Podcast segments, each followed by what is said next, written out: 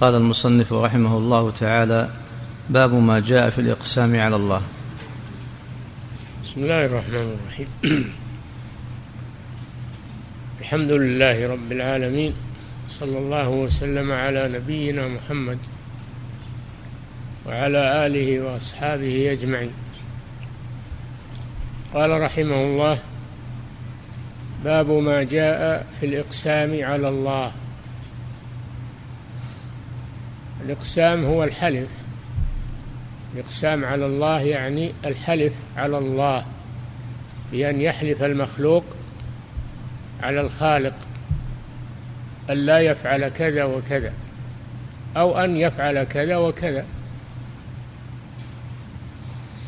وهذا ينقسم إلى قسمين. قسم محرم وهو منقص للتوحيد وهو الحلف على الله ألا يغفر لعباده ألا يتفضل عليهم. فيمنع الفضل من الله عز وجل ويسيء الأدب مع الله. وهذا هو الذي عقد الشيخ رحمه الله هذا الباب من أجله لأنه مناف أو منقص للتوحيد. وهذا الكتاب كله في هذا الموضوع في بيان ما ينافي التوحيد ويبطله وبيان ما ينقصه من الأفعال والأقوال.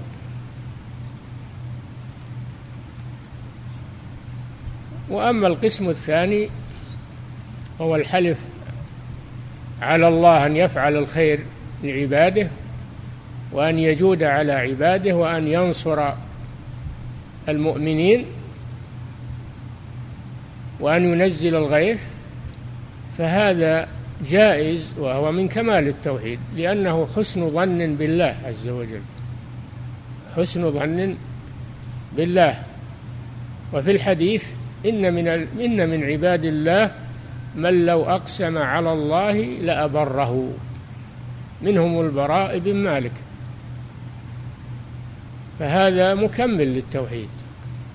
لأنه حسن ظن بالله عز وجل وثقة بالله عز وجل.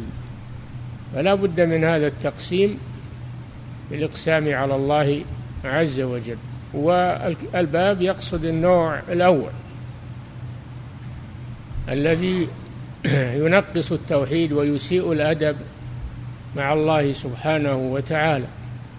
نعم. باب ما جاء في الإقسام على الله عن جندب بن عبد الله رضي الله عنه قال قال رسول الله صلى الله عليه وسلم قال رجل والله لا يغفر الله لفلان. فقال الله عز وجل من ذا الذي يتألى علي أن لا أغفر لفلان؟ إني قد غفرت له وأحبطت عملك. رواه مسلم. نعم. وفي حديث أبي هريرة رضي الله عنه أن القائل رجل عابد. قال أبو هريرة تكلم بكلمة أوبقت دنياه وآخرته. نعم. في هذا الحديث الحديث الأول أن رجلا من بني إسرائيل في حديث أبي هريرة أنه من العباد هذا الرجل عابد. أن رجلا من بني إسرائيل قال والله لا يغفر الله لفلان ولا يدخله الجنة. غضب الله عليه وقال من ذا الذي يتألى علي أن يحلف علي ألا أغفر لفلان؟ إني قد غفرت له وأحبطت عملك. أيها المسيء الأدب مع الله أحبطت عملك. هذا يدل على خطورة الإقسام على الله ألا يجود على عباده ولا يغفر لعباده ولا يدخل فلانا الجنة. هذا سوء أدب واعتراض على الله سبحانه وتعالى. وحكم على هذا الشخص حكم جائر على هذا الشخص. فلذلك غضب الله عليه وأنكر عليه من ذا الذي هذا إنكار من ذا الذي يتألى عليه؟ من هو اللي بلغ الدرجة؟ يحلف على الله ألا يغفر لفلان. والقصة أنه كان رجلان من بني إسرائيل أحدهما عابد لله عز وجل مستقيم على الطاعة. والآخر مؤمن لكن عنده شيء من المخالفات والمعاصي دون الشرك. وكان الرجل الصالح ينهاه عن المعصية ثم يراه مرة ثانية وينهاه فلما رآه لا يترك الذنب أخذته الغيرة الشديدة أخذته الغيرة الشديدة والغلو والعياذ بالله. فقال والله لا يغفر الله لفلان لا والله لا يغفر الله لك ولا يدخلك الجنة. نسأل الله العافية. فغضب الله عليه وقال من ذا الذي يتألى علي ألا أغفر لفلان؟ الله جل وعلا يغفر لمن تاب. ويغفر حتى لمن لا يتوب إذا كان دون الشرك. فالذي يرتكب الكبيرة دون الشرك تحت المشيئة. إن شاء الله غفر له وإن شاء عذبه.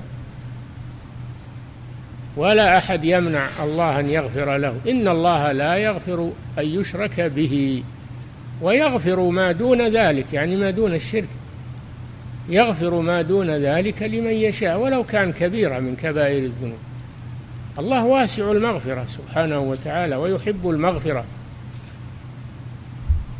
فلا أحد يمنع الله جل وعلا من من هذه الصفة العظيمة ويسيء الأدب مع الله عز وجل.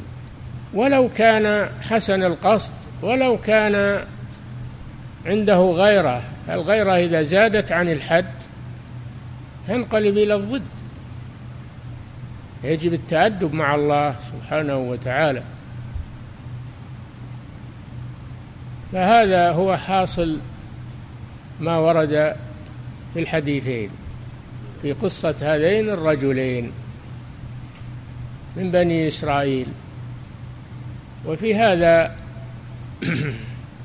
من من الفوائد أنه يشرع التحدث عن بني إسرائيل فيما فيه عبرة وفيه فائدة لنا. يشرع التحدث عنهم فيما ثبت وفيه فائدة للمسلمين وفيه عظة وعبرة. الرسول صلى الله عليه وسلم تحدث عن هذين الرجلين من أجل أن ينهى عن فعل هذا الرجل المتشدد الذي حمله التشدد على أن يسيء الأدب مع الله عز وجل وأن يحلف على منع فضل الله على عباده. نسأل الله العافية. قال أبو هريرة رضي الله عنه راوي الحديث تكلم هذا الرجل بكلمة كلمة واحدة أوبقت دنياه وآخرته. لأن الله أحبط عمله وغضب عليه كلمة واحدة من غضب الله عز وجل. فكيف بالكلمات الكثيرة وسوء الأدب مع الله عز وجل؟ هذا أشد. الله جل وعلا قال ما يلفظ من قول إلا لديه رقيب عتيد. فالكلمة لها خطورة. إما أن تكون كلمة خير فيرفع الله بها صاحب صاحبها وإما أن تكون كلمة سوء فيخفض الله بها صاحبها. ولهذا جاء في الحديث إن الرجل ليتكلم بالكلمة من رضوان الله لا يدري ما بلغت يرفعها الله بها درجات. وإن الرجل ليتكلم بالكلمة من سخط الله لا يدري ما بلغت يهوي بها في النار أبعد مما بين المشرق والمغرب. تحبط العمل والعياذ بالله. كلمة واحدة. فعلى الإنسان أن يحفظ لسانه إلا في الخير إلا في الكلام الطيب كلام المفيد أن يحفظ لسانه عن الهذيان. يحفظ لسانه عن الغيبة والنميمة يحفظ لسانه عن إساءة الأدب مع الله عز وجل يحفظ لسانه لأنه خطير. الكلام خطير. إذا كان في غير رضوان الله عز وجل فهذا فيه حفظ التوحيد وعدم المساس به. نعم. فيه مسائل الأولى التحذير من التألي على الله. أما الحلف على الله أن يفعل الخير ولا أن يتفضل على عباده هذا جائز. لأنه حسن ظن بالله عز وجل. حسن ظن بالله. وفي الحديث رب أشعث أغبر مدفوع بالأبواب لو أقسم على الله لأبره. منهم البراء بن مالك أخو أنس بن مالك رضي الله عنهما. فإنه كان من أصلح الصحابة وكان مشهورا بالشجاعة والإقدام وقتل شهيدا رضي الله عنه. فالرسول وصفه بأنه لو أقسم على الله لأبره لأنه ما يقسم على الله إلا بالخير حسن الظن. بالله عز وجل. نعم. فيه مسائل الأولى التحذير من التألي على الله. التحذير من التألي على الله يعني الحلف على الله. الإنسان لا يسيء الأدب مع الله عز وجل. والتألي هو الحلف والألية هي اليمين. للذين يؤلون من نسائهم يعني يحلفون على ترك وطئ زوجاتهم. الآلية هي اليمين. الذي يحلف على الله ينظر ماذا يريد. إن كان يريد أن يمنع فضل الله هذه خطورة والعياذ بالله. أما إن كان يريد من الله أن يجود على عباده هذا حسن ظن بالله عز وجل. نعم. الثانية كون النار أقرب إلى أحدنا من شراك نعله. نعم كون النار قريبة. تكلم الإنسان بالكلمة يدخل بها النار. أو يتكلم بالكلمة الطيبة يدخل بها الجنة. ولهذا في الحديث النار أدنى إلى أحدكم من شراك نعله أو الجنة أقرب إلى أحدكم من شراك نعله. والنار مثل ذلك. ما بينه وبين الجنة والنار إلا أن يموت ثم يدخل إما الجنة وإما النار. والموت قريب ولا أحد يدري متى يموت. يتحفظ الإنسان من لسانه. نعم. الثالثة أن الجنة مثل ذلك أن الجنة مثل ذلك. يعني قريبة قريبة من الإنسان. نعم.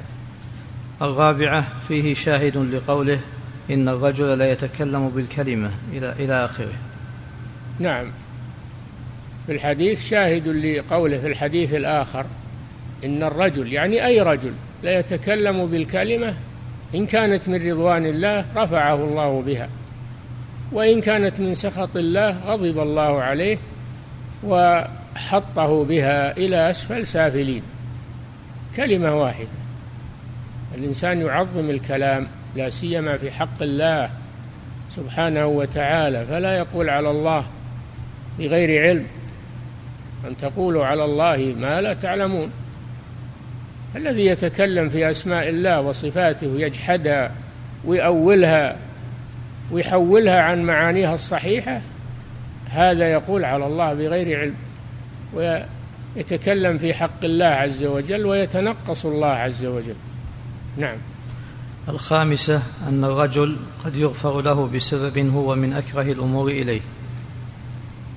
أن الرجل يغفر له بسبب بسيط سبب بسيط كلمة من رضوان الله كلمة يستغفر الله يذكر الله أو يصلح بين الناس كلمة واحدة سهلة وهي وهو يدخل بها الجنة. نعم. باب لا يستشفع بالله على خلقه. يكفي والله تعالى أعلم صلى الله وسلم على نبينا محمد وعلى آله وصحبه أجمعين.